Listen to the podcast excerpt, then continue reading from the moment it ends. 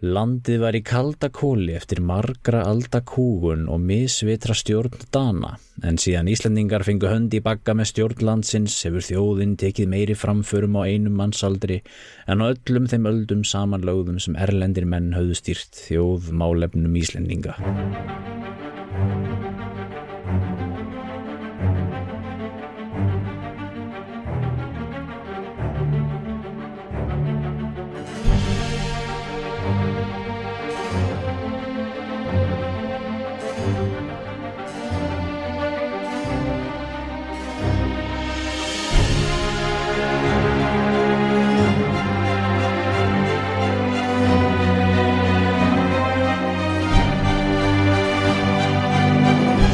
Komið sér gott fólk og verið velkomin í söguskoðun. Þetta er þáttu nummer 28 og í dag ætlum við að tala um íslenska sagnfræði.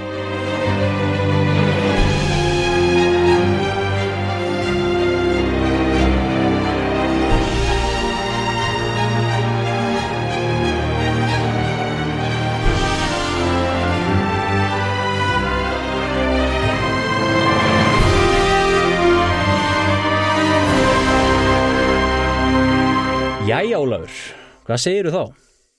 Jú, ég segi allt gott bara. Það- Já, svona bara eins og við erum búið svona í COVID-num og alltaf Já, En ekki það, ég er svona sem ekki undir neinu, neinu að kvarta. Nei, nei, ég ætla þó svo ég hafi opnað hennar þátt hérna sem eins og hressi útvarsmaðurinn þá, þá er einu samt líka frekar svona, það er nú frekar mikið skamdegi hérna líka sko, svona hjá flestum held ég. Maður sér það að það komið svolítið mikil COVID-þreita Já, það er það. Og svona í samfélaginu. Og maður finnur alveg fyrir því sjálfur sko. Svo er líka munur, eða allan hérna í Núri núna voru, var verið að herða reglur. Ég náttúrulega veit á Íslandi var búið að herða þetta mikið fyrr. Já, en núna sem þetta var, eh, er verið að loka fullt af drasli. Og aftur svolítið svona sama ástand og var í mars. Já, ekki alveg jafn slemt því það er ekki búið að loka skólum en, en ég ætlum ekkert að messa á sunnudaginn en eh, það er svo sem bara ágætt að vera frí ok. Já, já, það er enga messur. Nei, það er bara skýrni núna verður ekki, ver- verður ekki bara með svona Teams-messu, Ólafur?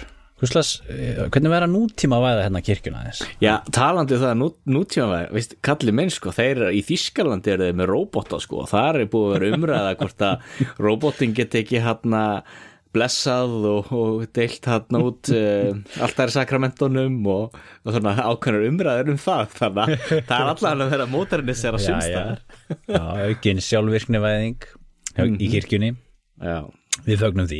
mætir í kirkjuna og síðan kemur robotinn og tekur um mótið þér og blessar þig Nákvæmlega. Já, þetta er svona, en það hefur nú aldeilis uh, dreigist til tíðinda frá hérna, vinnum okkar í brandararíkjónum síðan við töluðum saman síðast. Jú, jú, það er gert það Það er nú uh, 11.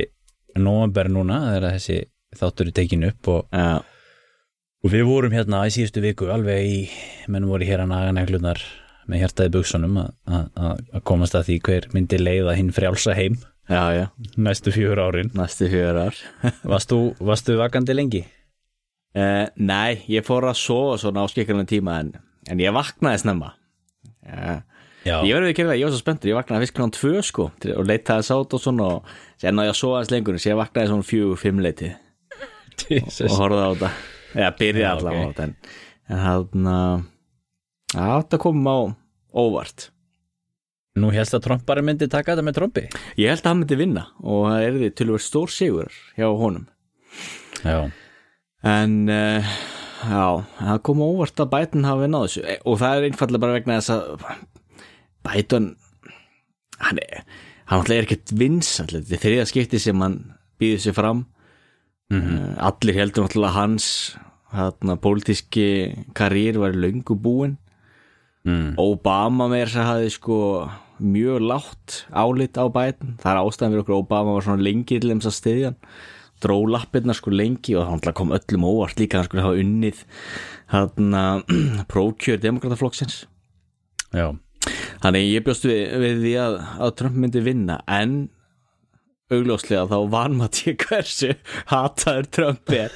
Því náttúrulega Biden vann ekki út á það að vera Biden hann náttúrulega vann út á það að vera ekki Trump eins og Hillary mér segja sagði óbeint þegar hún Já. óska hún svona til hamingjum og ekki að segja lappa ykkur í já, já, það er kostning gegn Trump ekki kostning fyrir Biden. Já, já, ég held að það sé alveg, alveg morgunljóst. Eik- og hérna en það sem að mér finnst og þú, svo sér maður líka svolítið merkilegt sko, maður sér sko í, í, í eftirleik þessa að vera að fjallum um, um Sigurd Bidens og svona. Já, og hérna, þá sér maður það að hún hérna Kam Kamala Harris er að fá rosalega mikla aðtegli sko. Og, og, og mér finnst í rauninni hún vera að fá oft bara jafnvel miklu meira aðtegli heldur en svona maður er vanur af varaforsetanum sko. Já, það er alveg rétt. Og, og ég held að það sé alveg örgulega út af, út af þessu sko, því það er náttúrulega Já. kannski, veist, hún er miklu meiri karakter heldur en Biden sko. Hún er það, hann náttúrulega vann út af henni. Ef það Já. hefði ekki verið fyrir hana þá hefði hann ekki unnið því, já ég er allavega held í fram, því sko svartar konur voru sérstaklega duglegar að, að kjósa þau. -hmm. og sannleikurinn sá sko demokrataflokkurinn eða fyrir að forseta efni demokrataflokksins hefur ekki unnið meirluta hvítra atkveða síðan sko á sjö, eða áttunda ártökum ég held að þeir byrjuðu sem að, ég held að elstu tölur eru síðan 76 er það ekki Jimmy Carter? Mm allir fór demokratafórseta síðan þá hafa fengið minnluta að hvíta atkvæðinu þannig að þeir þurfa alltaf uh, að ná svarta atkvæðinu eða mögulega þá suðurameríska. Það er alltaf þess vegna sem hann dæmis Hillary tapaði og ástæðan fyrir okkur Obama vann. Obama náttúrulega fekk svo rosalega stuðning frá svörtum. Já, já, og náttúrulega svarta konur sérstaklega kusu uh, Kamala Harris. Það var ekki já. kjósa Biden náttúrulega. Og Biden hefði verið um hvítan gamlan kall þá hefði þetta fólk ekki kosið. Og. En það sem er svona blöð áður þessi að þetta er ástæðan fyrir okkur Trump er búin að vera að byggja svo mikið til svartara í bandarækjum og búin að vera með fullta prógrumum og dæla pening í hérna í svona svört hverfi og verið að tala við þessar rappara 50 Cent og Snoop Dogg og var ekki Lil Wayne líka og eitthvað svona fleiri gaurar sko sem er búin að vera stiðjan Snoop Dogg, Snoop Dogg Dogg. Já, já. Snoop Dogg sá sko að hvað hann þurfti að borga í skatta ef hann hérna myndi Biden myndi vinna þannig að ákvæm að kjósa Trump. I know some people who know some people who rob some people. Akkurat. En það svo fyndið það með kostningan í bandaríkjunum eins og allt þetta. Þetta er svo mikið sko þetta er svo mikið leikrit.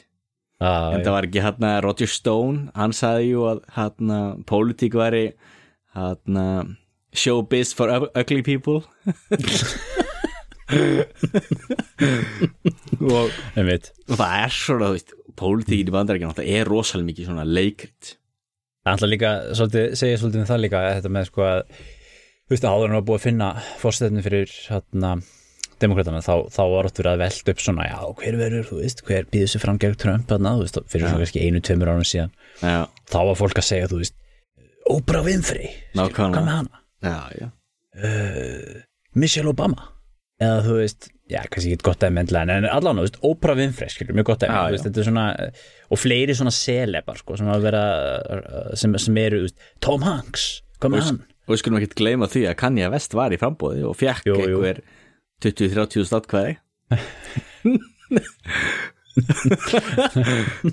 Þetta er svona. Heri, Þetta er glæ- glæsó Það er allavega hérna, ég, við, erum, við sjáum allavega fram á breytingar í band, bandaríkjónum eða, eða svona, e e einhvers konar breytingar. Já, Svo aðeins. eftir að sjá, sjá hvað gerist með hvað tromparinn hverju hann tekur upp á. Jú, jú. núna. Spennandi tímar. Talandi um þetta sko, því að við ætlum nú að tala um sagfræðingana og svona sagfræði núna, að sko mér finnst gaman að sjá Guðmund Halldónason ég veit að þú kannski ert ekkert mikið ára á íslenska sjónvarpi núna hérna, en, en hann, er, hann er að koma fram í sjónvarpinu svona, sem er svona álitskjafi sko, sagfræðingur sko. Já, og hérna, það er nú svona gleðið mitt, mitt, mitt hjarta svona fyrir, fyrir hönd okkar stjettar sko. Já, að sjá það að það sé verið að taka sakfræðinga sem svona álitskjafa í sjónvarpinu. Það, það er náttúrulega sama og við sáum til dæmis í í hérna mm, æ, hérna þegar hann Sigmundur Davíð uh, What can you tell me about a company called Vindris já, hérna, þegar það allt saman var sko. Já. og hérna þá var hann okkar allra besti guðin í TH já, náttúrulega á litskjafi sem var, nú kannski ástæðan fyrir að hann komst í fórseta embættið en mm þannig að já, það er gaman að sjá það að það séu svona mikilsmetnir sakfræðingar sem eru að, að hérna, tjá sig um stöðumála. Já, það er jákvæmt en það eru, en náttúrulega eru, eru sakfræði náttúrulega svona þú veist, þetta fjallar um mannlegt samfélag frá, hérna, frá öllum, öllum, öllum hornum og, og analýsera mannlegt samfélag og breytingar í því og hvernig það þróast og hvernig það er. Nákvæmlega. Og svo náttúrulega er það líka alltaf voðalega fristandi náttúrulega að reyna að draga eitthvað lærdom af sögunni og reyna að sjá eitthvað minnstur Já, eins og bara því að tala um fórsetakostningarnir í bandaríkjónum það er alltaf klassíst alltaf að vera að bera sér saman með Rómaveldi það er svona eilíðar dæmi og til dæmis núna Já. maður sér svona heyri rattir og sér svona tala um það að þarna eins og bandaríkinn þá í dag líðuveldi í krísu þá náttúrulega er voða hendugt að horfa á Rómaveldi já, já, en síðan náttúrulega getum við alltaf alltaf sett spurningamerki við þú veist, er þetta líðuveldi í krísu. Eins og við höfum talað um áður sko að þarna kostningabaráttur fyrir tíma voru oft mun verri en kostningabarátturnar í dag. Já, já, jú, jú, þetta er náttúrulega þetta eins og, eins og menn hafa bent á sko, að það er, það er hérna 50% þjóðurna sem kýs Trump sko. Mm -hmm. og það er alveg örgulega stór hluti þjóðurna sem er núna bara eitthvað, þú veist bara eitthvað, þetta var hoax. Og bara eitthvað frott og bara þú veist, eru Já, já og, og mér finnst, sko, mér finnst persónlega náttúrulega það hvernig Trump er að tala núna eftir, eftir kostningarnar mér finnst það rauninni vera beyond, sko, það er eiginlega ekki valla að gera grína því, sko, hvernig hann er að, að, að tala niður líðræði, sko já. og því það er eiginlega þú veist, hættulegt, sko að þetta er ekkit skemmtilegu leikur að vera að tala svona sem fór alls ekki. En, en ekki það er handla heldur áfram bara orðræði sem náttúrulega byrjaði fyrir allan á fjórum ára síðan.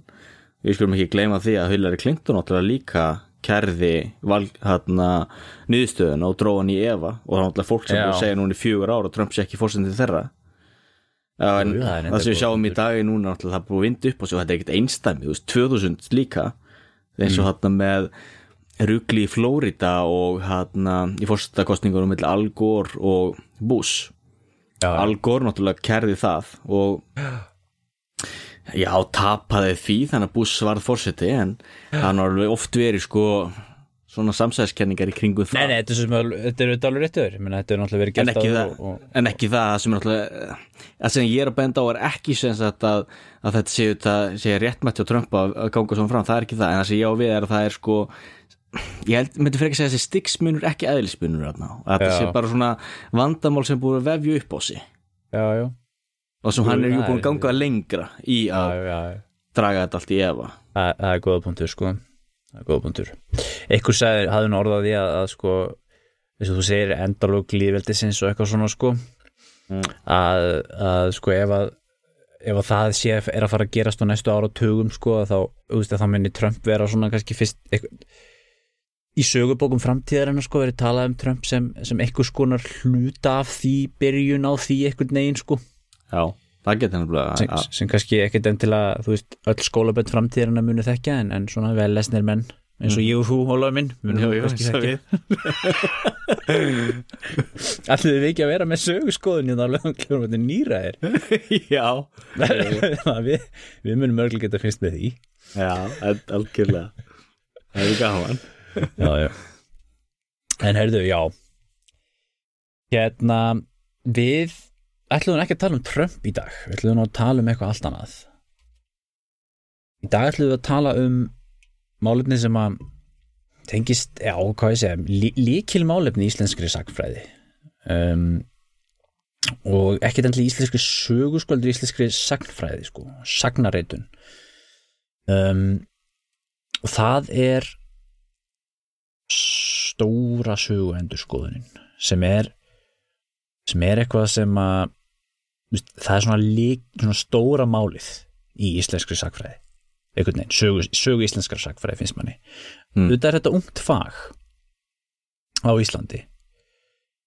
Og þetta er svona já, svona stóra málið sem að sem að, sem að uh, mér, sem mér finnst allavega að hafa sett svona stærsta mark sitt á það hvernig þessi grein hefur þróast og, og hvernig þetta hefur breyst á Íslandi. Og það er ekki bara sagfræðin eins og hún er yfkuð nýri háskóla heldur er þetta líka sag, söguskoðun okkar Íslandinga sem býr í hjartanu á okkur hverju einu okkar. Hvernig við lítum á menningararfin og söguna og það er viðfangsefni þessara þátt, þessa þáttar. Stóra breytingin. Já, og núna ætla ég að vera þjóðlegur og opna mér íslenskt malt og appelsín. Sem ég tilefni þess að að skamdegið er komið. Já. Því í er nú- ekki skipta þarna austan Allands álæg í Nei, gamla landinu. Það er það nú ekki, í gamla landinu þá þá jú, jú, maður getur nú fengið þetta keft í búðum en það kostar það kostar nú alveg töluvert mm. það gerir það ef það er ykkur íslendingar í Nóri sem er að lusta og get ég sagt ykkur það að þið geti fengið malt og appelsín í mení mm þannig að þó það sé kannski dýrt. Já. Það vil gera sig, það har verið alveg þessi verði að kaupa það inn á milli. Já, algjörlega. Svo gott er það. Já, en þú náttúrulega, já, við ætlum að setja hana þetta, hvað, hérna, sko, þá, þá snýst þetta basically um það, bara svona í stuttumáli, Já, að, sko, í gamla dag, þá var til hér sögurskoðun meðal almennings og fræðimanna og stjórnmálamanna um það hver, hvernig okkar glæsta fortíð var, hvernig saga þessari þjóðar var frá landnámi og gegnum aldirnar og og fram að þeim tíma er Íslendingar fengur sjálfstæði frá dönum og þetta var svona ákveðin sögurskoðun og, og, og ímynd saga sem, a, sem að var prentuð inn í alla landsmenn. Og og við trúðum bara og höfðum.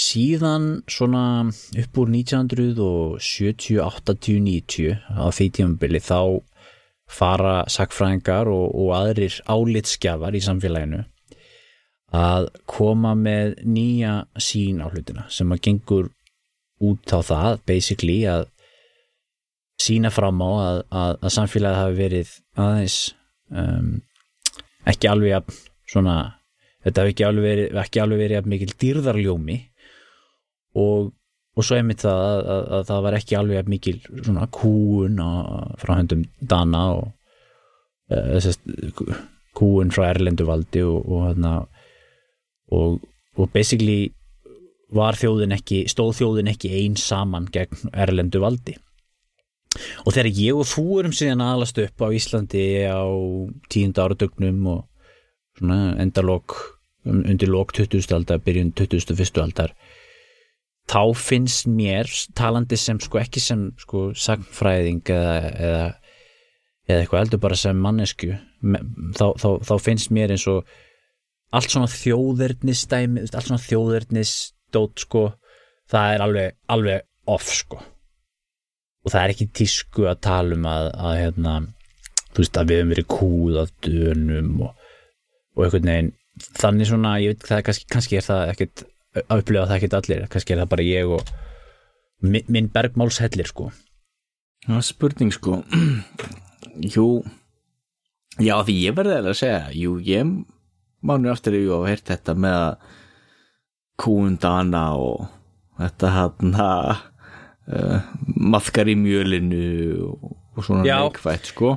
Já, fyrir ekki, ég, ég er ekki að segja að það hef ekki verið sko algjörlega, við, við- lærðum það líka sko, eða þú veist, maður læri það en ég bara segja einhvern veginn, mér finnst þið svo þetta er kannski aðeins an, annað sem ég er að reyna að segja það er kannski það, þú veist, einhvern veginn svona allt svona gamaldags, Já, þar með talið þjóðverðnishyggja, já, samanber allir með þess að þú veist, fara og veifa fánanum á 17. júni eða eitthvað, að það var orðið svona púkó Já, en, en það getur sagt, ég vil það segja kannski alveg rétt þér. Ég ætlum þess mín fjölskylda hefur aldrei fagnað 17. júni ég veit ekki hvort að það sé einhver hundatækning en Nei, það er svona aldrei verið einhver sérstakur dagur hjá fyrir mig í raun og veru nei, nei Svo ser maður þessu út í Nóri, sko, þar er 17. mæ bara eins og það er eins og koma á fyrsta mæ í Sovjetríkjónum, sko, eða eitthvað. Já. bara, veist Já, eða þú veist, þarna byltingardaginn.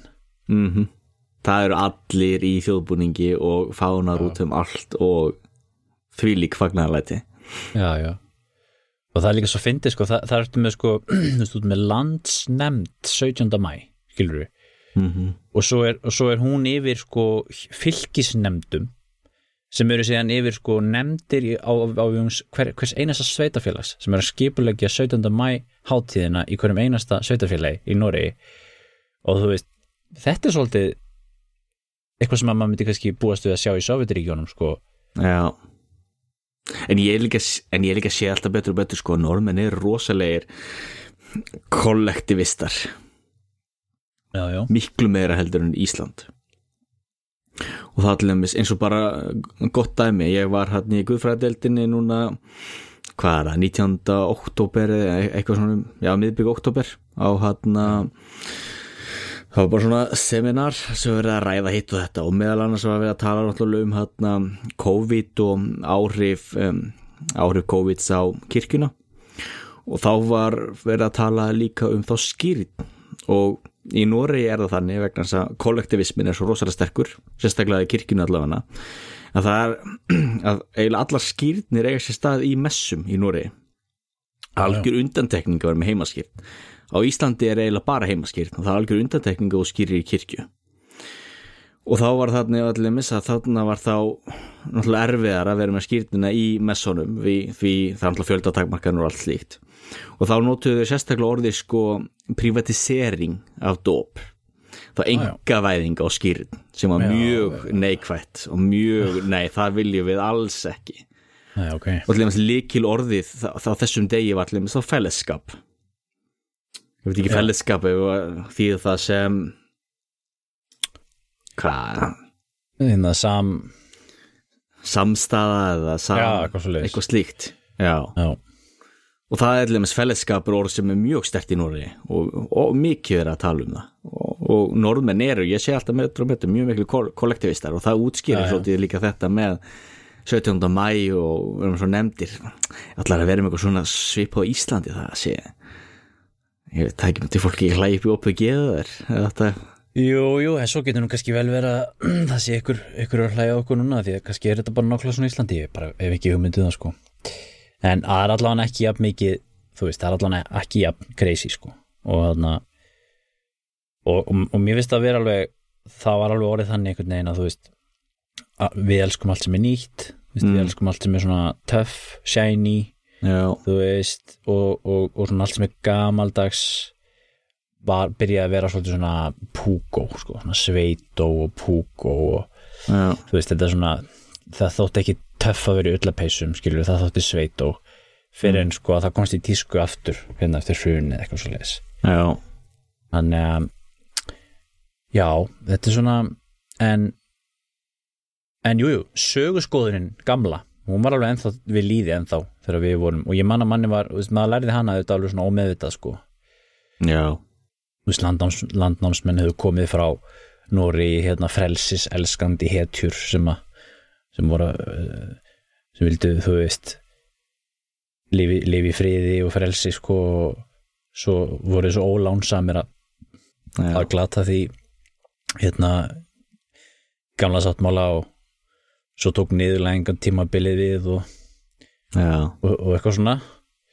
Maður er alveg svona, maður fekk þetta svolítið í æð sko. Já, já, algjörlega, að maður við fékk höfum það. verið að læra þarna sent á öldinni sem börn.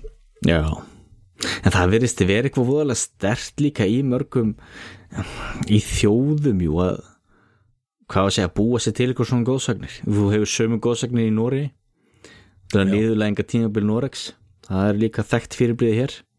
Já, já.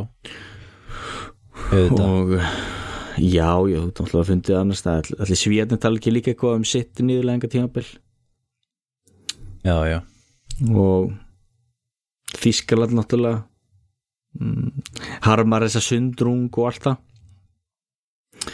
Og eins með Ítalju sko þessi hugmynd hún náttúrulega verður til samhliða sjálfstæðisbaráttunni á Íslandi. Já, og þessi þrískipting sögunar hún náttúrulega við svo við vitum hún var til á hvað upplýsingatímanum? Mm, þú veist, fornöld, miðaldir og svo og hérna nútími. Þú veist, þrískipting sögunar í basically gullöld niðurlega tímabil og svo endurreist það er veist það sem að endur upp, upplýsingamennir voru með. Já, en það er líka bara eitt innskot út í þetta þetta er þrenning. Já. þessi sko þrenningar árótta indaður okkar þjóða er alveg stór merkileg og alveg kapl út af fyrir sig. Að það er alltaf verið að reyna að skipta ykkur í þrend og þetta allt er þrendir og third time's the charm og úr þarna með þrjú tímabil í sögunni og þú ert með náttúrulega þrenninguna í kristindónum og, og þú ert með þarna hár, jafnhár og hvað, og, þriði er það ekki? Öllum herri já, Já, það er allir kynningu en allavega það, þú er mjög áhugavert. Einmitt Algjörlega, þetta er, já, þetta er, þetta er, unni hugmynd sem verður til sko sent á 19. öld eða miðan 19. öld og, og, og, og kannski byrjun 20. aldar þegar, þegar sjálfstæðisbaratan er þú veist, upp á sitt besta og í rauninni sem að gerist er að, er að sko, við sjáum fræðimenn þú veist, þeir eru að búa til sögu þjóðurinnar í þáu þessara sjálfstæðisbaratu já, og það er, er svolítið ekkert óeðlegt þannig að þess að það er bara mjög eðlegt og það er á þeim tíma mjög nýmóðins. Mm, og ég held að það sé eitthvað sem fólk þarf að átta sig á og það er það sem að fólk kom svolítið með þessari sögu endurskoðun svo uh, vittneskja eða þú veist upprenning að þjóðirnishyggjan er þú veist hipp og cool nýjung á 19. öld. Já, og fyrir þann tíma voru menn ekkert eitthvað að flagga þjóðurnisíkju eins og við vitum að þú veist Art, Artgrimur lærði þú veist hann var að skrifa hérna gegn nýðingsritum um Íslendinga í Já. krím og gefu og, og svona. En, en svo endaði hann alltaf því að segja bara eitthvað lengi lifi konungur vor skilur og, og eitthvað svona sko. Já, já, Þannig að þessi hugmynd verður svolítið til hérna í, í hérna eh, í, í, í, sjálfstæðisbaratunni og, og hérna og var svona eh, leið til að skapa þjóðinni þjóðarvitund og búa til svona sameila fortíð. Mm, og það er nú rétt að nefna Jón Jónsson aðils sem er nú alltaf nefndur en það er hann svona fyrsti svona háskólamyndaði sagfræðingur íslendinga. Og þú óttu nú einhverja bók eftir hann. Jú. Var ekki gullöld Íslands? jú, ég á hana. Nei mitt, það er það er skemmtileg bók. Já, mjög svo. Þar, þar til mér getum að sé þessa, þessa sögurskoðun og, og, hérna, og Íslands þjóðerni frá 1903 er bók sem að, sem hann skrifaði líka um uppruna Íslendinga. Já, og þú veist, og þar talar um það að Íslendinga séu, þú veist eina gufugustu ættum Evrópu. Þú veist, þetta er sérstakir andansmenn sem að, þú veist blönduðust keltum og úrvarð sérstök vitsmuna þjóð sem að á sér engan líka ég heyr alltaf sögun eða eitthvað líka sko. Já, já. Og hann þetta er svona og þú- þessi þjóð gat af sér forn bókmentirnar og þjóðskipul af þjóðveldisins og, og það er það þessi gullöld sem að, sem að var hérna á þjóð, þjóð, þjóðveldisöld sko, á því, í þjóðveldinu. Já, já, hann er svona algjörður faðir þessara sögurskorunar hann meitlaði hann svolítið í stein og hann kom með þessa uh, þessi tímabila sem hann var með þessi ég sagði að hann, þú veist, þú sjálfstjórnunar, þetta var hérna, hann kallaði þetta hérna, þroska tímabilið eða eitthvað, skilur og svo niður, hnignunar tímabilið niðurlæðingar tímabilið og svo endurreisnar tímabilið og eitthvað svo leiðis já, og hérna svo felst í þessu þá í rauninni þetta er svona tvíþætt sko, annars vegar er þetta þá í rauninni sko upphafning á íslensku samfélagi og svo og hinn, hinbóin þá höfnun á dönum. Í rauninni tvíþætt sko. Já, að það er með við og hinir sko. Að búa til þjóðurnisvitund mm, við erum frábær, þau eru ömuleg já. Þú þarf alltaf að bera það saman við eitthvað annað.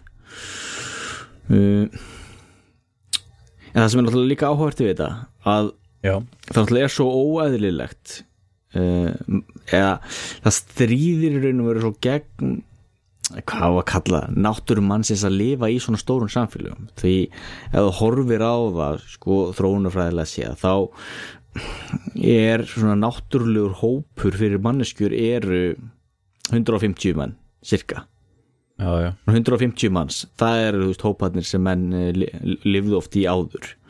Og við verðum með þegar þú berð saman þú veist hvað lifa simpansaðin í stórum hópum og górulur og svona. Þá allavega er 150 tala sem ég oft séð. Og náttúrulega þegar þú byrjar síðan að stækka það þú ert að, og í þessu þú veist, ert með ríkisvaldi og þú ert að byggja upp ríki þá þarf að byggja það okkur um hugmyndum og þjóðverðnis higgja náttúrulega varð brjálaðslega stert afl. Og náttúrulega við skulum heldur ekki gleyma því við náttúrulega lifum í tímum þjóðverðnishyggjuna ennþá. Náttúrulega öll ríki Já, í dag eru þjóðríki. Já, að einhverju leti og þjóðríki er raun og veru sko grunn hugmyndin og grunnurinn á bakvið alla þjóður líka til þess að þessar klopnu uh, Afrikuþjóðir sem fengu þarna sjálfstæðu miðbygg 20. aldar. Að til dæmis Kenya og, og Ghana og allar þessar þjóðir þetta reyndu að og hafa verið að satsa á þjóðverðnisíki og reyna að búa þá til nýtt þjóðverðni já. og náttúrulega líka sko í sjálfstæðisbaráttunni, íslensku þá ef þú ætla að réttlæta sjálfstæði og aðskilna frá dönum þá náttúrulega þarf að byggja það á einhverju. Já, og þá náttúrulega er þessi sér einkenni hérna íslensku þjóðar verður þá mjög góð ástæða fyrir sjálfstæði. Algjörlega. en síðan er aftur á móti vandamál það er eitthvað sem þú þarft í raun og veru að búa til. Og það sér maður líka sko eins og maður svona innlendur rígur til dæmis, Akureyri Húsavík eða einhver önnur svona bæjarfélög eða hvað það er. Uh, að þegar þú ætlar einhvern veginn að reyna yfirstíka það og, og samina alla þá er best að hafa einhvern annan andstæðing og þá náttúrulega verður verða danirnir ágætst anstæðingur sem getur saminast gegn þá ekkert sem samina fólk uh, jafn vel og uh, sameigilegur andstæðingur. Nei, nei, nákvæmlega. en þetta er líka hann ávart því ég rakst á uh, ísraelskan fræðumann sem heitir Ítamar Even Soar ég held að þetta nú rétt búið fram hjá mér. Uh, hann he hefur verið að skrifa dálítið um Ísland. Já, ok. og aðeins íslensku sjálfstæðsbárun ég rakst á hann þegar ég var að googla þetta aðeins. Af því hann er, sko, hann er sérstaklega upptekinn sko af uh, menningu. Og það sem við getum kallað sko uh, hvað maður að kalla menningarlegt kapital eða, eða sko uh, hugmyndafræðilega innviði. Það er kannski líka orð sem maður getur notað.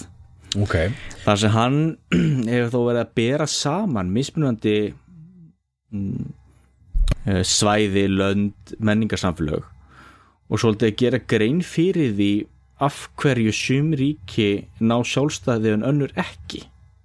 Já, já, og þá til dæmis hefur hann þá bent á það að þú þart ákveðna uh, hugmyndafræðilega inn, innviði, þú þart að hafa einhverja sko menta elitu sem hefur úr einhverja spila sem þá til dæmis á Íslandi voru það bókmyndirnar, fornbókmyndirnar já, já. og Íslandingasögurnar og, og, og allir þessi eða þessi bókmynda arfur skiptir ósað miklu máli fyrir sjálfstæðisbarátuna Já, já, samanbyrð bara það hvað mikið hitt að mál að fá þessu handrit heim. Já, já, og hann, hann færi þá rauk fyrir því að sko þetta hafi að miklu leiti sko veitt þjóðinni þá drifkraft og styrk til þess að berjast fyrir sjálfstæði. Já, og berða síðan saman þá við löndin svo nýfundanland nýfundanland Já, var sjálfstætt rík eða var sjálfstætt einhverju leiti en þeir einhvern veginn uh, já, náðu ekki að spila nógu sínum spilum eða hvernig maður vill orða það og við nýfundanlandir í dag þá hluti af Kanada og ekki sjálfstætt ríki. Hann tala líka um Bretagnskaga mm, í Fraklandi já.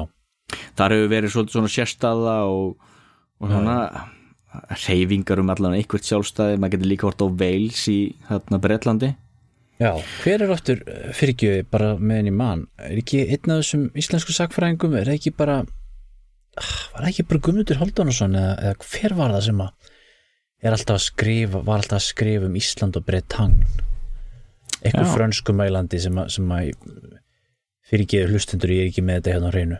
Ja. en, en það er einmitt, já, bera saman þess, þessi tilfelli, mjög aðdyggluvert Já, Já, til dæmis, til dæmis á tímum Napoleons að þá hún var sko franska eða fransk tunga var einu verið sko bara tilbúningur. Það var mállíska svo töluð þarna á Ile de France eða hvernig sem að segja þarna kringu París og síðan var þessari tungu þvingað upp á restina af Fraklandi og málið sko slegna nýður og búið til þá franska Mhm. og auðvitað er léttar að gera þetta með samfélaga sem að er ekki sko hvað að segja, hafa á milli og, og eigur og svona svæði sem hangir saman en á Íslandi náttúrulega varstu með þú varst jú með þennan bókmyndarf og þú já. varst með mjög góðan svona bókmyndarlegan efni við sem síðan þá fræðimenn og mentamenn innlendir gáttu gripið til og unnið úr og, og spilað á já, og eins og það, við skulum ekki glemma því að dæmis, eh, Jón Sigursson náttúrulega notaði mm, gamla sáttmála til dæmis sem réttlætingu fyrir sjálfstæði Íslands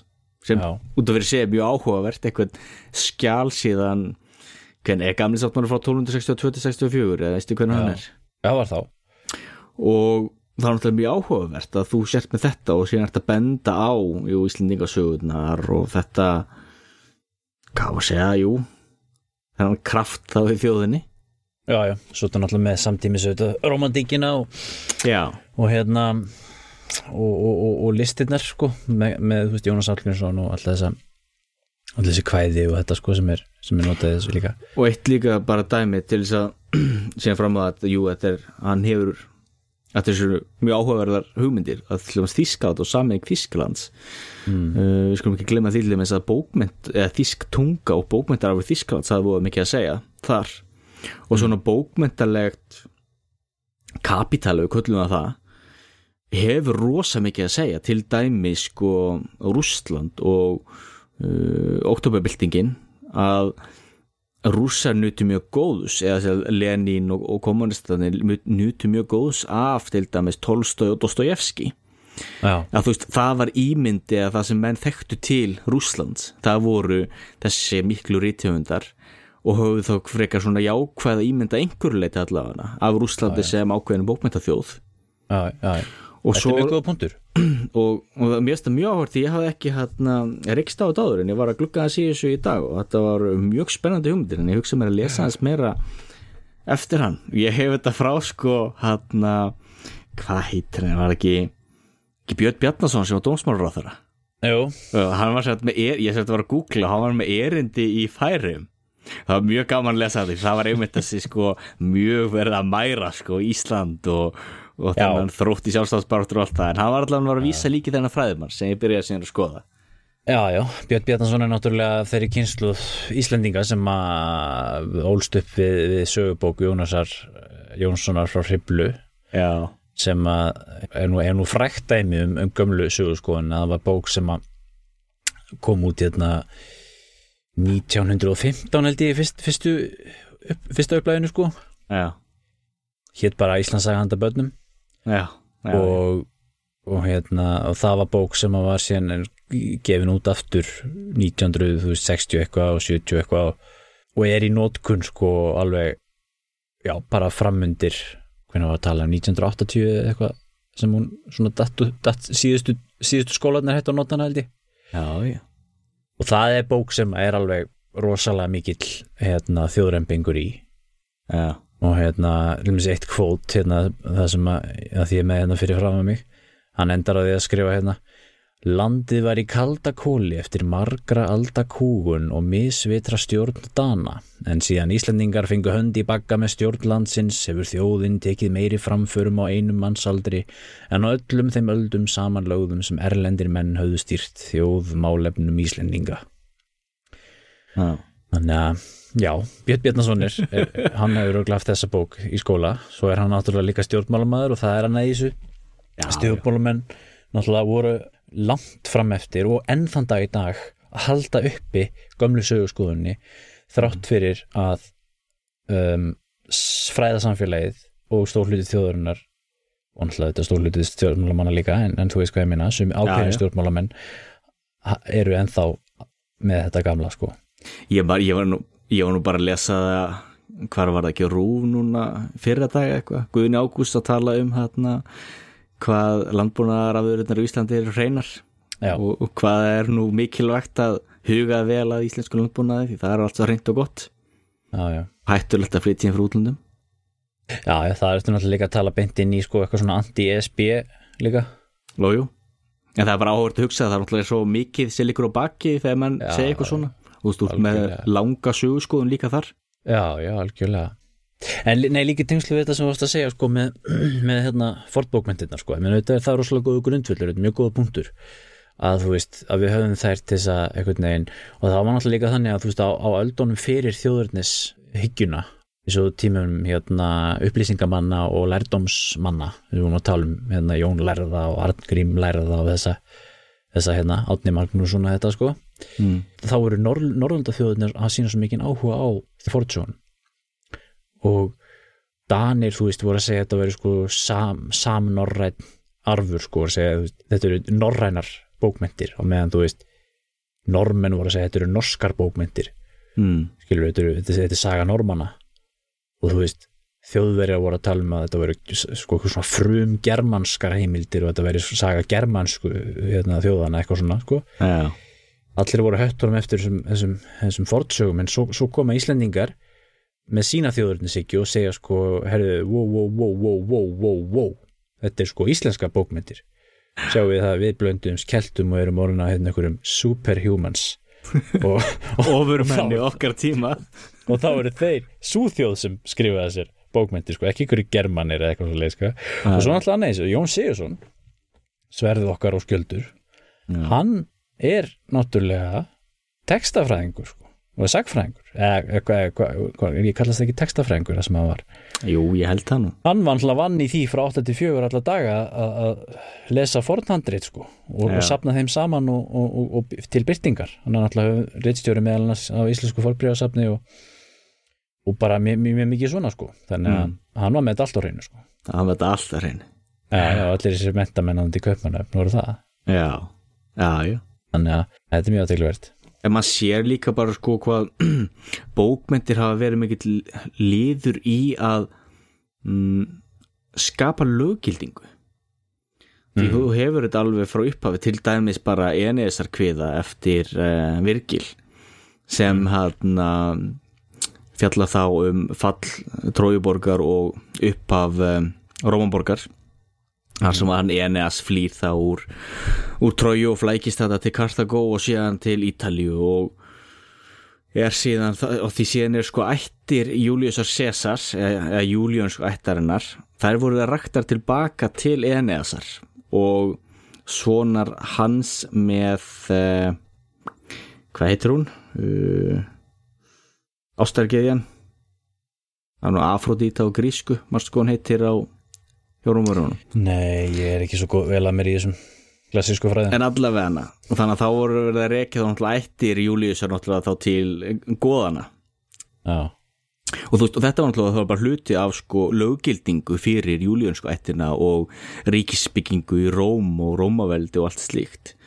Já, og já, ert náttúrulega með að sama á hérna hjá öðrum þjóðum þegar það verða bæði að semja ykkur svona rít eða verða að grípa til rít það sem hefur áður saman til dæmis hérna uh, hérna rítin hans Dantes í Ítalíu til dæmis já, og já. hans máliska var tekin upp af ítalskum þjóðurninsinnum og ítalskan var búin til úr því já, já. í Rúsland ertu með hann Potemkin eitthvað sem að berða fram og náttúrulega allar þjóðir eiga sér náttúrulega sín skáld og sína stormen í Nóri eru með Ibsen og, og Já, Íslandi þá með Íslandingasögurnar sem eru svona líkilatri og síðan náttúrulega Snorri.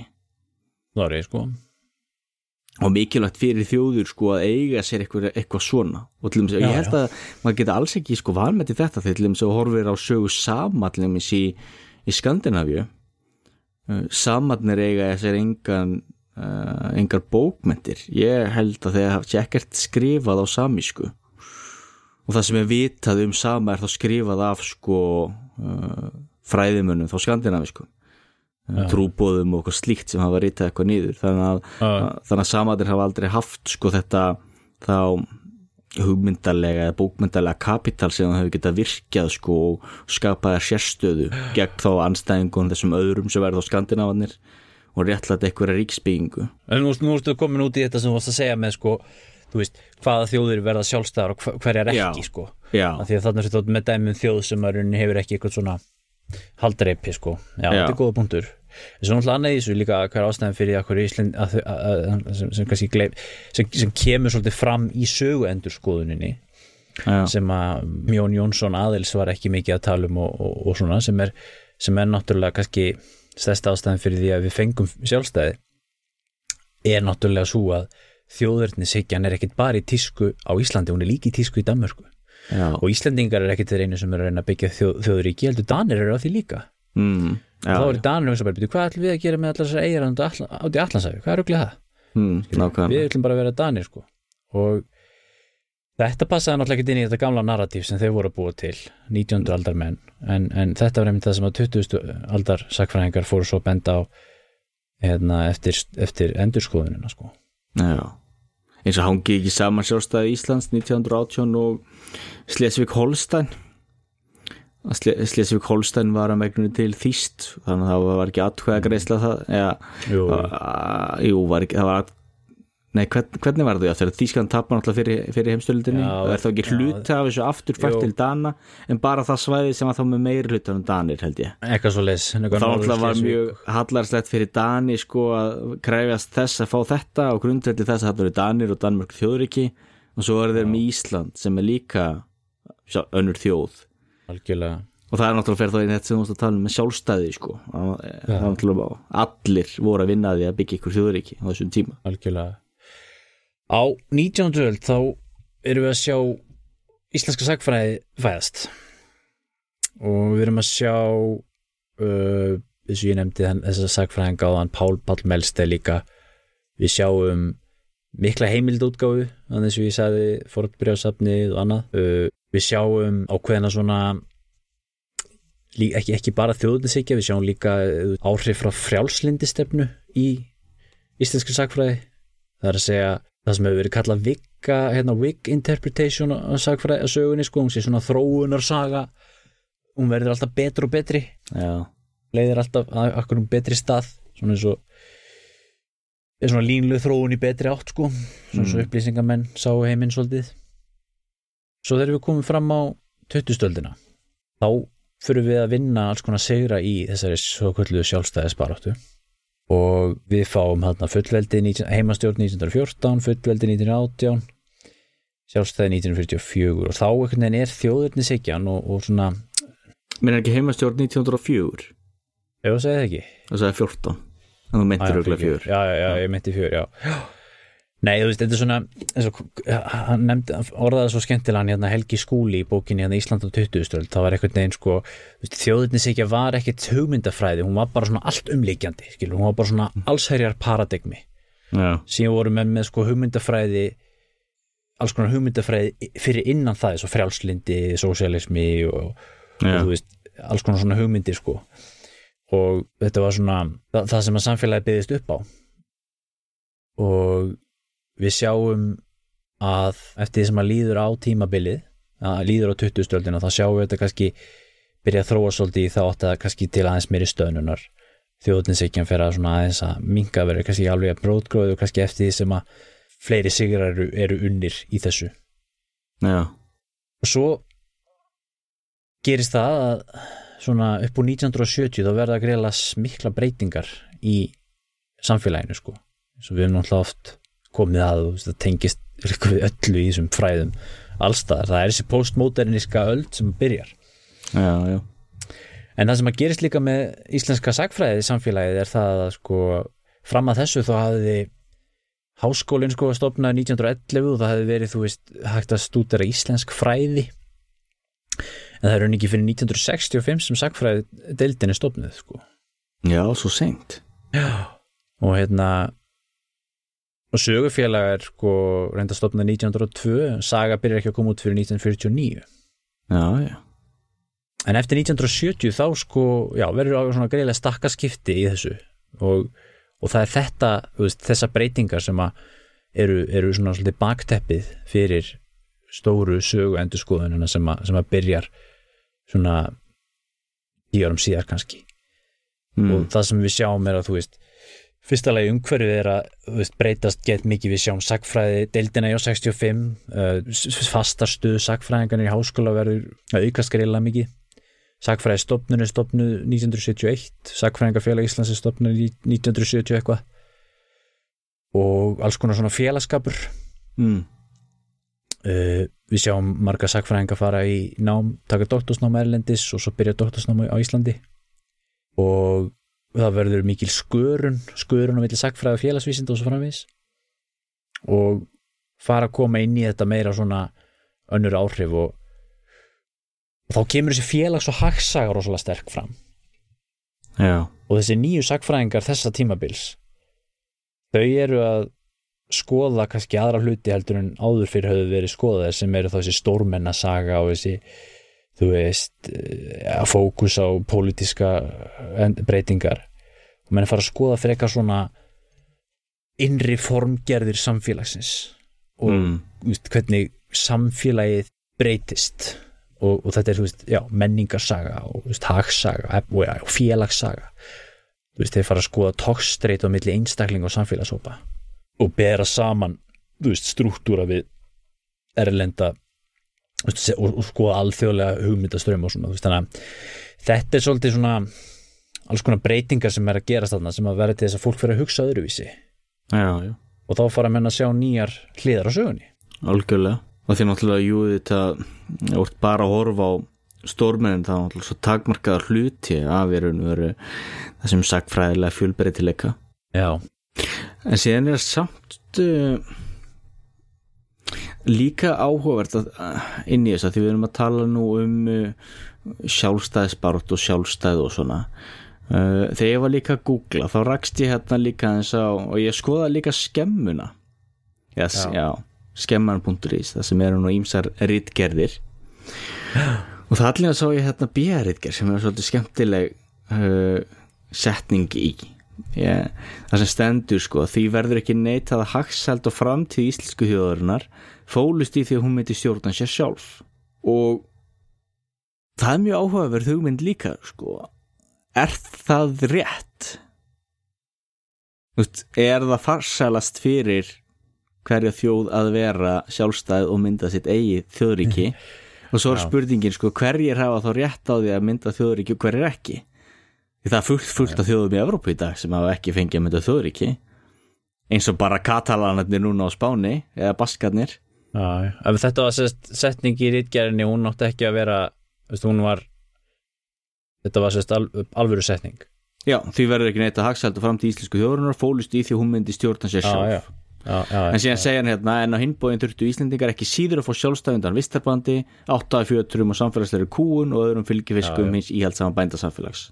algjörlega, Þa, þetta er náttúrulega líkilatri sko. í allt sama bændasamfélag sko.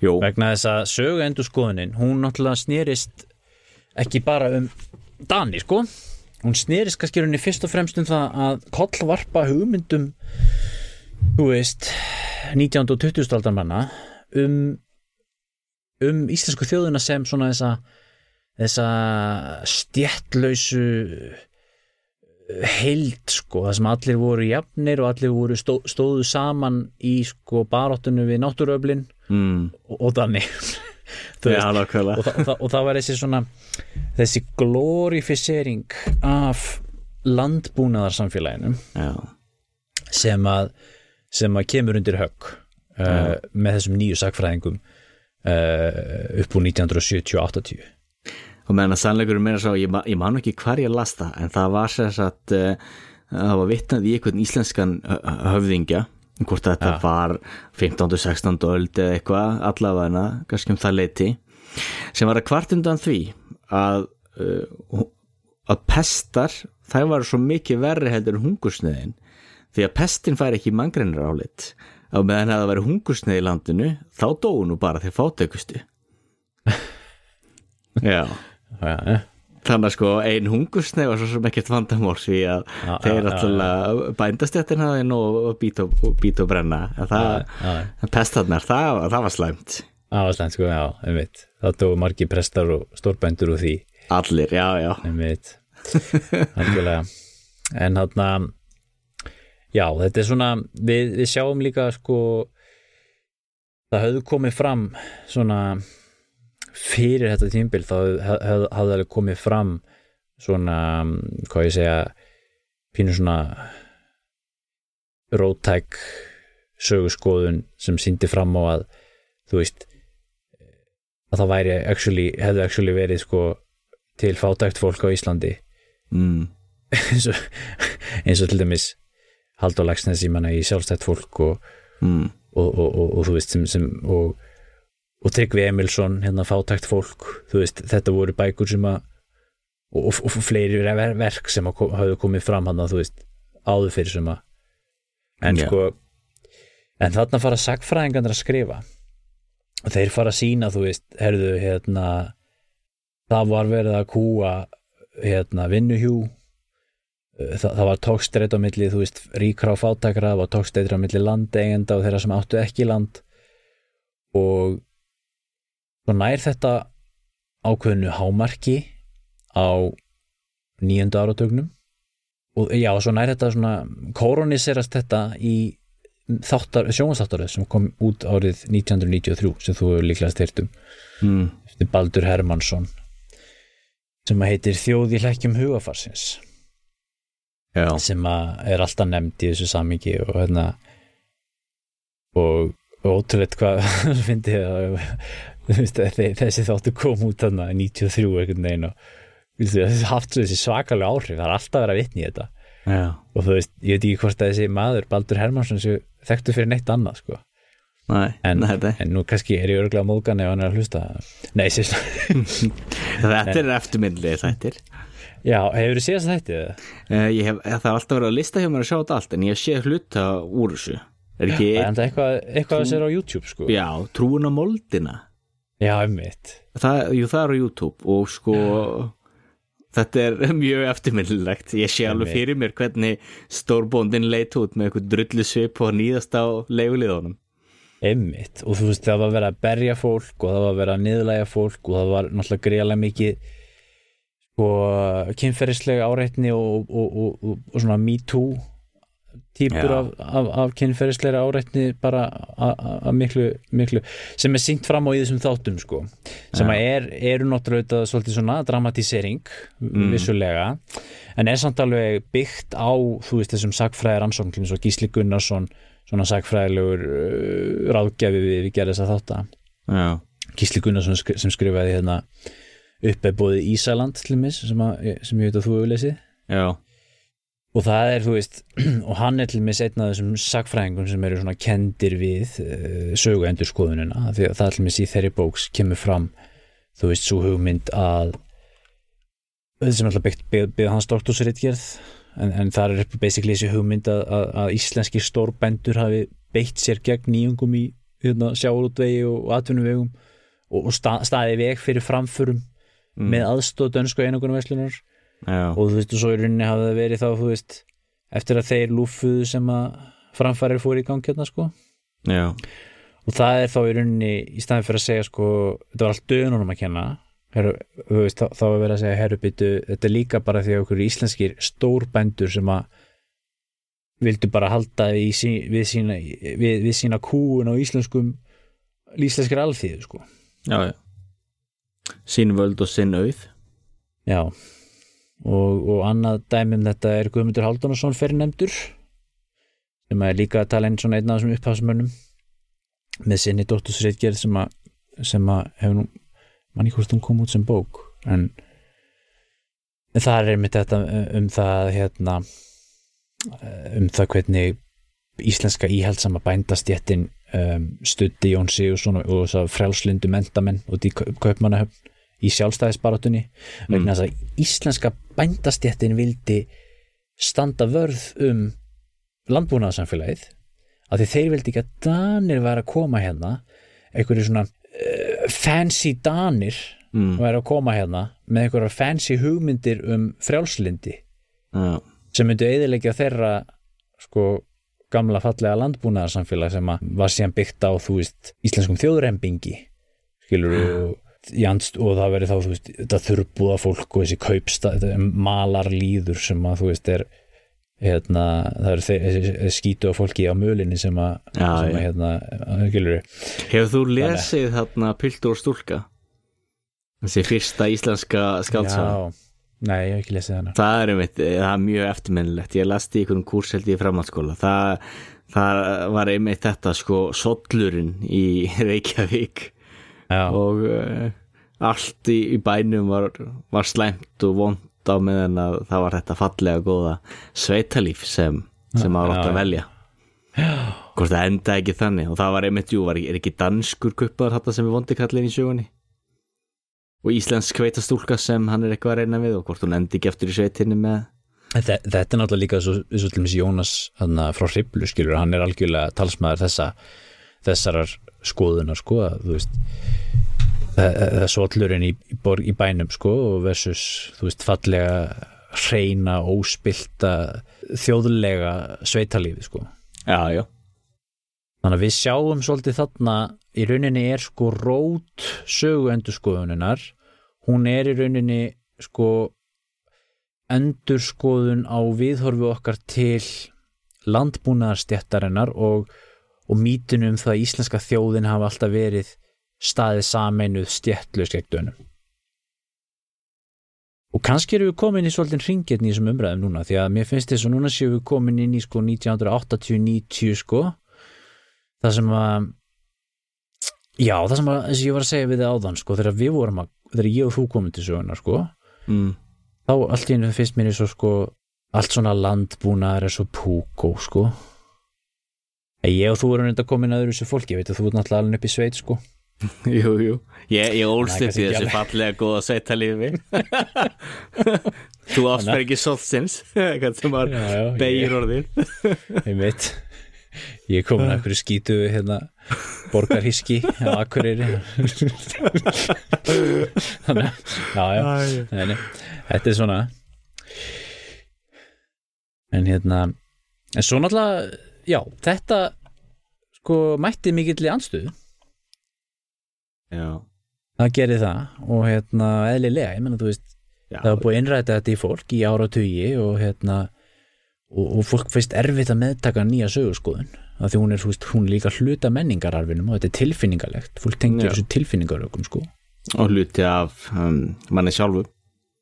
Já og svo náttúrulega fór þetta í alls konar auðvitað pólitískar sko, pólitísk líka sko þú veist auðvitað er þetta ákveðin svona vinstri hérna slagsíða, ég meina það er þú veist, og Gunnar Karlsson skiluru, Gísli Gunnarsson þetta voru náttúrulega vinstri menn já, já, og það auðvitað var þannig á 7. og 8. áratugnum skiluru var bara svona mikið svona mm, og kannski þú veist bakteppi að skoða þú veist þessi félagslegu átök og svona kannski ákveðin svona marxísk svona, svona ný hugsun einhvern veginn þar kannski að einhverju leiti en reyndar er það samt alveg þegar er komið fram, fram á undir lók 20. aldar þá er, alveg, er þetta alveg, alveg viðteki hjá flestum sagfræðingum skilur ekkert bara einhverjum vinstir sinnuðum sagfræðingum sko og, og þá var líka alveg margi vinstri sinnaðir stjórnmálamenn til dæmi sem heldu, heldu uppi sko gamlu sögurskoðuninni mm. og börðust sko harðast gegn þessum breytingum sko svo, svo hefur verið nefnt dæmi um þú veist kostninga hérna áróður alþjóðu bandalegsins skilur var stundum bara eitthvað hérna þú veist misskipting auðs er ekki okkur Íslendingum í blóð borið vegna þess að við erum aðeinsfari sko stjættlaust og frábært landbúnaðarsamfélag sko. Já. En það er reyndir eitthvað sem ég maður mjög vel eftir hérna uh, og mínum hvað bandómi, þessi hugmyndum að Ísland sé stjættlaust samfélag. Já, mér finnst ég að hafa heyrt það svolítið, verið að tala um það. Já, og það er svolítið áhugavert vegna þess að það er ekki það er ekki rétt, maður byrjar að rýna í hlutina, það hefur auðvitað alltaf verið sterk stjættaskipting já, já. Það var ekki það sem menn voru að þú veist, þú lest ekkert um það í, í hérna Jónas frá Hriblu og Jón Jóð, Jóð Aðils nei, þar er Ingólfur Arnarsson talin hetja fyrir að hafa drepið þrælana sína sko. Já, já. En það er áhugavert hvernig þetta svona já, hvers konar góðsagnir þjóðir búa sér til? Og hvernig þær góðsagnir síðan lifa? Því þær náttúrulega eru svo mikilvæg því þú ert náttúrulega að búa til eitthvað sem er að ýmsu leiti hvað var að segja, ekki, ekki náttúrulegt. Og þá er við sem ekki ekki náttúrulega í þeim skilningi að það ekki eh, gerist einhvern veginn að sjálfu sér. Og eins og þjóðurninsegjan náttúrulega er að miklu leiti afsprengi þess að umrót sem átt sér stað þegar að fólk var sem þetta að flytja úr bæjónu sínum og var að flytja í borgir og, og hana, var að missa tengslin við hmm, hvað við að segja uh, upphafsitt eða nærumkörfi sitt. Því fyrir þann sem er fættur í ykkurum dal alin upp þar, býr þar allt sitt líf, þekkir ekkert annað er þar með allir þína fjölskyldu og vini. Sá Íslandingur hefur voða litla þörf fyrir ykkur þjóðarninsykju því hans þjóðarninsykja er og veru eða dalurinn. Mm -hmm. eða bærin eða hvar það er á meðan að þú ert komin í Reykjavík uh, fjölskyldaðin liggur ekki í ykkurum kirkjugarði þar eða, eða forfeyðinir uh, þú nýr staður þú þekkir ekki til þú ert að búa þér til eitthvað svona identity Mm -hmm. og þá náttúrulega verður þetta rosalega sterk svona samkend, jú ok, við eigum að sammelda við erum sömu þjóð. Og þjóðurinsíkja og ég held að þetta sé sko að miklu leiti hafa kert áfram þjóðurinsíkjuna þetta umrót. Já, já, ég held að það sé góð punktur. Og þú sér þá jú að þjóðurinsíkjuna miklu leiti er þá náttúrulega afsprengi þessa uh, krafta sem yfirbylting og nútímin uh, leiti úr leðingi þetta er rosalega merkilegt sko. Að því að þú við, það, það er greiðlega breytingar á 19. öld. Við sjáum að kemur einn svona hugmyndafræðilegu paradigmi. Mm. þetta er, þessi, er þetta ekki þessi modernismi sem við síðan sjáum sko breytast sko um 1970-80 þegar samfélagi er að breytast í postmodernist samfélagi er að hætta að vera innað samfélagi og fara inn í þjónustu samfélag mm. þetta er nákvæmlega sama og gerist veist þegar við, þegar við vorum að tala um hérna á, á, um, um daginum eða hérna um árið um hérna fallsovjetríkjana og Gorbachev og þú veist hvernig Sovjetríkin náðu ekki að takast á við þessa breytingu yfir í post uh, innað samfélag uh, þú veist við sjáum við sjáum bara breytingar allstaðar samfélagið er, öll samfélagið er að breytast og þá kemur bara nýr paradigmi. Það er ekki lengur þörf fyrir þjóðninsíkjuna mm. við náttúrulega erum komið sjálfstæði. Fólk fyrir að hugsa öðruvísi sagfræðingar fyrir að hugsa öðruvísi. Og hérna og þá fáum við nýja sögurskoðun þannig verður til ný sögurskoðun og við lifum á mjög spennandi tímum núna sérstaklega út af sko umrótinu í kringum uh, interneti. Já. Að því sko neti náttúrulega er bylting eins og uh, uh, eins og prentvélarnar voru, var bylting á sínum tíma. Allt einn gastu byrjað að prenta á fullu bókmyndir og dreifa út rítum og svona. Já. núna getur þú dreift hugmyndum ennþá hraðar og algjör bylting og þess vegna sérðu þetta rosa umrót í dag. Það er uh, við að gera að vera að taka uppgjör við hitt og þetta. Það er verið að uh, gaggrina í, í raun og veru flest. Eins og bara hér í Oslo var, voru umræður um það að rífa styttuna af Churchill vegna þess að það er litið á Churchill sem nýlendu herra og keintáttahattara og slíkt. Það eru Já. algjöru minnlutarattir en það eru þó rattir eins og við séum í bandarækjunum þetta að rífa nýju styttur og líka vera gaggrina bókmentir uh, það er alveg að vera tengst gerast á Íslandi náttúrulega og, og þetta náttúrulega er að miklu, náttúrulega, miklu leiti aflegging þess umrót sem á sér stað núna út af mjög sterkum kröftum og breytingum í samfélaginu. Algjörlega. Verður mjög spennand að sjá núna næstunum hvað gerist veist, næstu tíu Já. árum. Við erum náttúrulega bara að keira inn í eitthvað nýtt svona sem sögulegt tímabil bara. Ég held að það hljóta að vera það. Já, svona for better or worse. Já, og þarna og, og, og já og ég meina og talandum um þetta við, við munum væntanlega sjá nýja sögurskoðun fæðast, það hlýtur bara að vera. Það er það ekki óhjákvæmilega afleiðing svona samfélagsbreytinga? Jú. veist, við erum að sigla út úr heimi polariseringar í stjórnmálum á milli vinstri og hægri. Mm, þú veist, við erum að sigla inn í heim sko þar sem að atvinnahættir eru alltaf örgjur ólíkir held- þeim sem áður voru. Við erum til dæmis að byrja að sigla þú veist, eins og við vorum að tala um að ef að 1960-70-80 var ef, ef það var tímabil það sem að var að færa samfélagum var að færa sig úr innan samfélagi yfir í þjónustu samfélagi þá alveg svo tímum þjórninsegjunar var að vera að færa sig úr landbúnaðar samfélagi yfir í borgarsamfélagi mm. neðinað samfélag að þá erum við núna að færa okkur úr þjónustu samfélagi yfir í, yfir í eitthvað svona já hvað ég var að segja samfélag sem að menn eru á borgaralunum og, og, og erum við sinni einn podcast átt eða eitthvað, ég veit það ekki Hugbúna samfélag Hugbúna samfélag sko, þannig að, þannig að það, það er bara spurning hver verður hér nýju paradigmi mm. 2001. aldarinnar sko, og hvernig og, og þá, er, þá getur við aðteglast að sjá hvernig við Íslendingar sem þjóð förum að líta á sögu okkar mm. í beinu framaldi af, af þessu sem að þessu málefni stóra endurskoðunin. Algjörlega. Sög, sög, sögurskoðun þjóðurinnar sko. kannski kemur einhvers konar endurskoðunar higgja já. Sko, svona revísjónismi já. Það er nú þekst allt innu verður kemur í tísku aftur að tala um hvað Dani voru umulegir eða eitthvað. Já, það var nú mjög áhvert já, maður getur alveg hýmynd sér það. Það er, þetta er kannski eitthvað sem við ætlum að taka fyrir hérna í þegar við erum nýraði líka. Já, já, endilega við að gera það. En það er líka því að nefna þetta með hægur og vinstri en það er líka þú veist gott dæmi, það er þú veist paradigmi í raun og veru uh, sem á ekki svo vel við. Vinstri grænur og sjálfstæðarflokkur vinnur ágætlega saman Já, já. En þá er líka spurninga að maður ekki frekar að tala um sko frjálslindi og íhald. Jú, jú.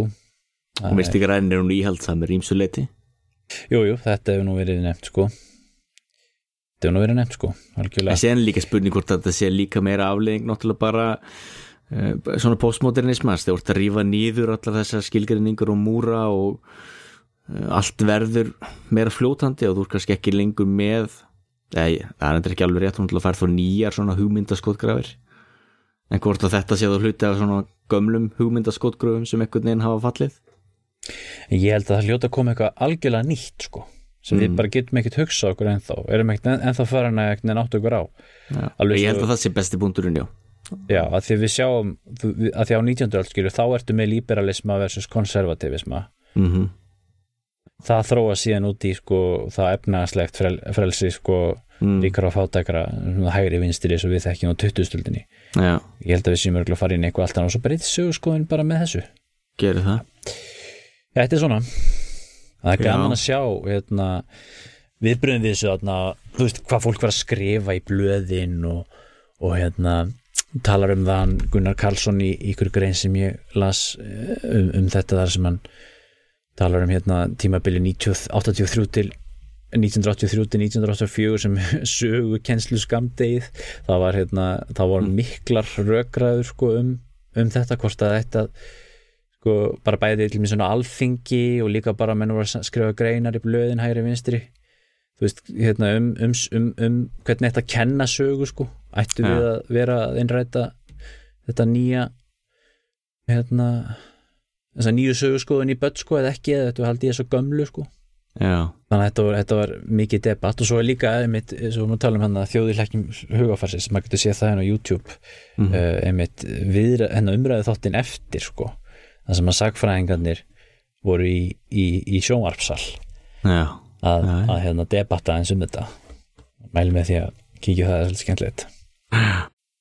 Nei, það verður Já, en síðan hugsa ég alltaf meira líka um sem jú nefndum aðeins þetta með sjálfstæða því mann finnst það að vera svo sjálfsagt. En síðan getum við líka velt fyrir sér veist, var það svo sjálfsagt? Hefði færiðingum gengur ágætlega með danna Já, en þá getum við líka að benda á færiðingar náttúrulega eru svo lítil þjóð þeir náttúrulega get ekki haldið þeim mm, þeim hérna lífskjörum sem þeir hafa í dag eða verður sjálfstæðir. Nei, nei. Og eins með grænlendinga.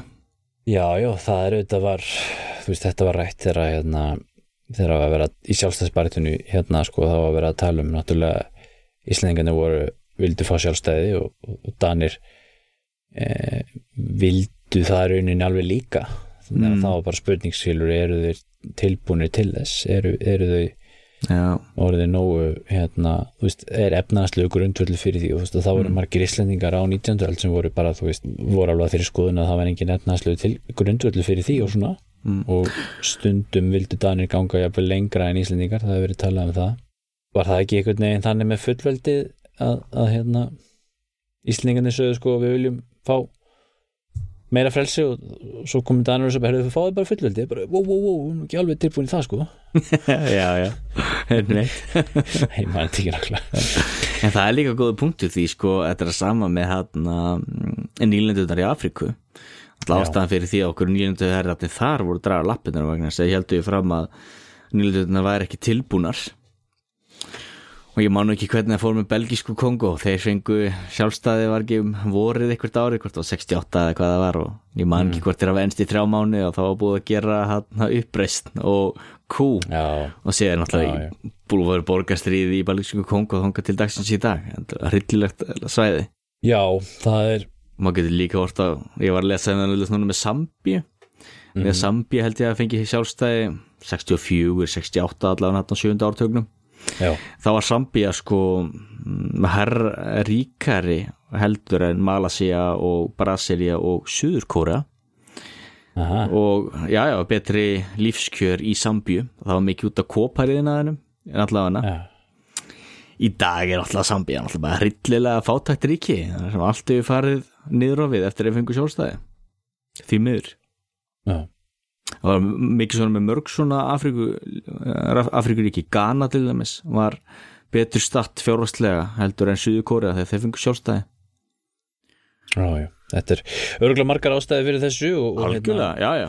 En það er þú veist áhvert að minn punktur aðalega bara þegar menn voru þú veist að veltaði fyrir sér hvort að Ísland hefði eitthvað burði til þess að vera sjálfstætt, sjálfstætt. þá var það ekkert eitthvað úr lausulofti gripið og átti það sérst að áður en þetta gerist en og svo getur maður líka veltið sér fyrir sér maður væri með danska krónu hvort að maður myndi hafa það betur. Svo alltaf kemur þjóðurni stefið alltaf upp aftur eins og núna. Ég menna það er alltaf annars slæði talað um hérna Evrópusambandið.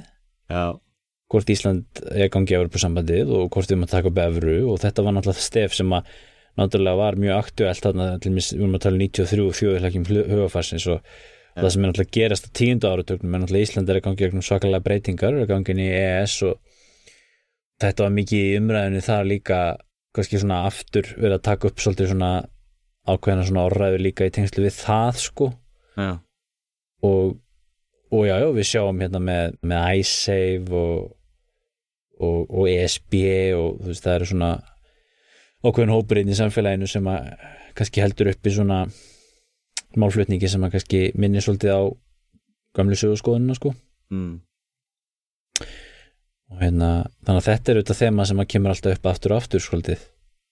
Já, já, gerir það. Og, og, og svo sjáum við náttúrulega líka alltaf svo, það sem gerir svo oft einhvern veginn að stjórnmálamenn halda eitthvað að ræða á 17. júni eða eitthvað eða segja eitthvað svona svo varst að nefna Björn Bjarnason eða eitthvað svona og, og hérna svo blöskra sagfræðingum sko já, orðalæði sko já, já en svo getur við líka hérna velti fyrir okkur hvort að ég tæki jákvæðu hliðna séu styrkur í menningarlífi eða að stert menningarlíf ég veit ekki til Já. dæmis það að við erum með þarna ríkisúttorpið og þeir eru nú að framlega ýmislegt innlent efni og menn náttúrulega fá það Já. mikið styrki frá ríks, ríkissjóð og eða bókmentir og leikhús og svona. Og spurning hvort að þetta væri þá ekki minna ef maður væri undir dönum. Ég, það, ég held að það sé enginn að jáast um það í dag að það sé alveg grundöld fyrir sjálfstæði Íslendinga núna sko.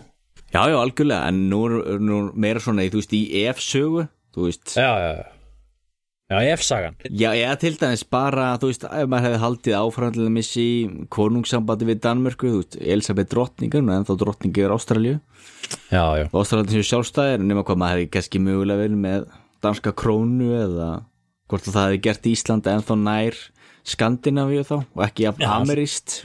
Já, þetta er náttúrulega mjög skemmtileg spurning sko, og líka það sko, hvað ef allir með sko, hérna ef það hefði gerst sko það sem gerðist ekki sem að var það allir með að Danir hefði flutt til Íslands í stórum stíl og það væri ekki eitthvað stór minni hluta hópur hérna af dönum sem Já. hefði verið svona elita Já, skilur öllum eins og, og var alltaf á Íslandi en höfðingja eða svona embættismannastéttin var alltaf íslensk mm. og það er einhvern veginn svona styrkleiku svo styrkleikin hérna bak við það að við fengum sjálfstæðu svona meðal annars Mm. Og það er náttúrulega það sem er erfitt í mörgum öðrum löndum sem hafa verið undir erlundu valdi að það ertu með alltaf þú veist þessa, þessa elítu og og með svo Grænlandi og Mm. þar var lengi framan á dönsk elíta sem að var í öllum svona stjórnunastöðum og svo leis skilst mér. Já, og það náttúrulega hefði breytt miklu ef, að, ef, að, hérna, ef það hefði verið tilfelli sko. Já, já, það hefði gert það. Eða svo ef að breytar hefðu hérna, eignast landið eitthvað tíman sko átjándu öld eða eitthvað og mm það Já. kannski hefði, hefði, hefði sagan farið svolítið öðruvísi. Já, það hefði gert það. Já, Þetta er svona. En við erum kannski komnir að að eh, leiðarlokum hér í dag í sögurskóðun ég held að, að þetta er náttúrulega svona auðvitað í liftmálefni sem maður snertir alltaf á og kemur alltaf að aftur og aftur og í, í vegferð okkar um söguna. Jú, jú Og náttúrulega áhugavert málefni náttúrulega sérstaklega út af því að það hefur verið mismjöndi sögurskoðun og, algjörlega, og hún náttúrulega er ennþá í þróun. Algjörlega. Ég held að við látum þetta vera loka orðin í byli, eða ekki bara? Jú, þetta kom, komið gott. Þetta komið gott. Þá snúum við aftur hér í næsta þætti af sögurskoðun þar sem, sem við ræðum eitthvað hressandi málefni af öðru meiði. Við fyrir okkur í dag og verið sæl. Það er þess að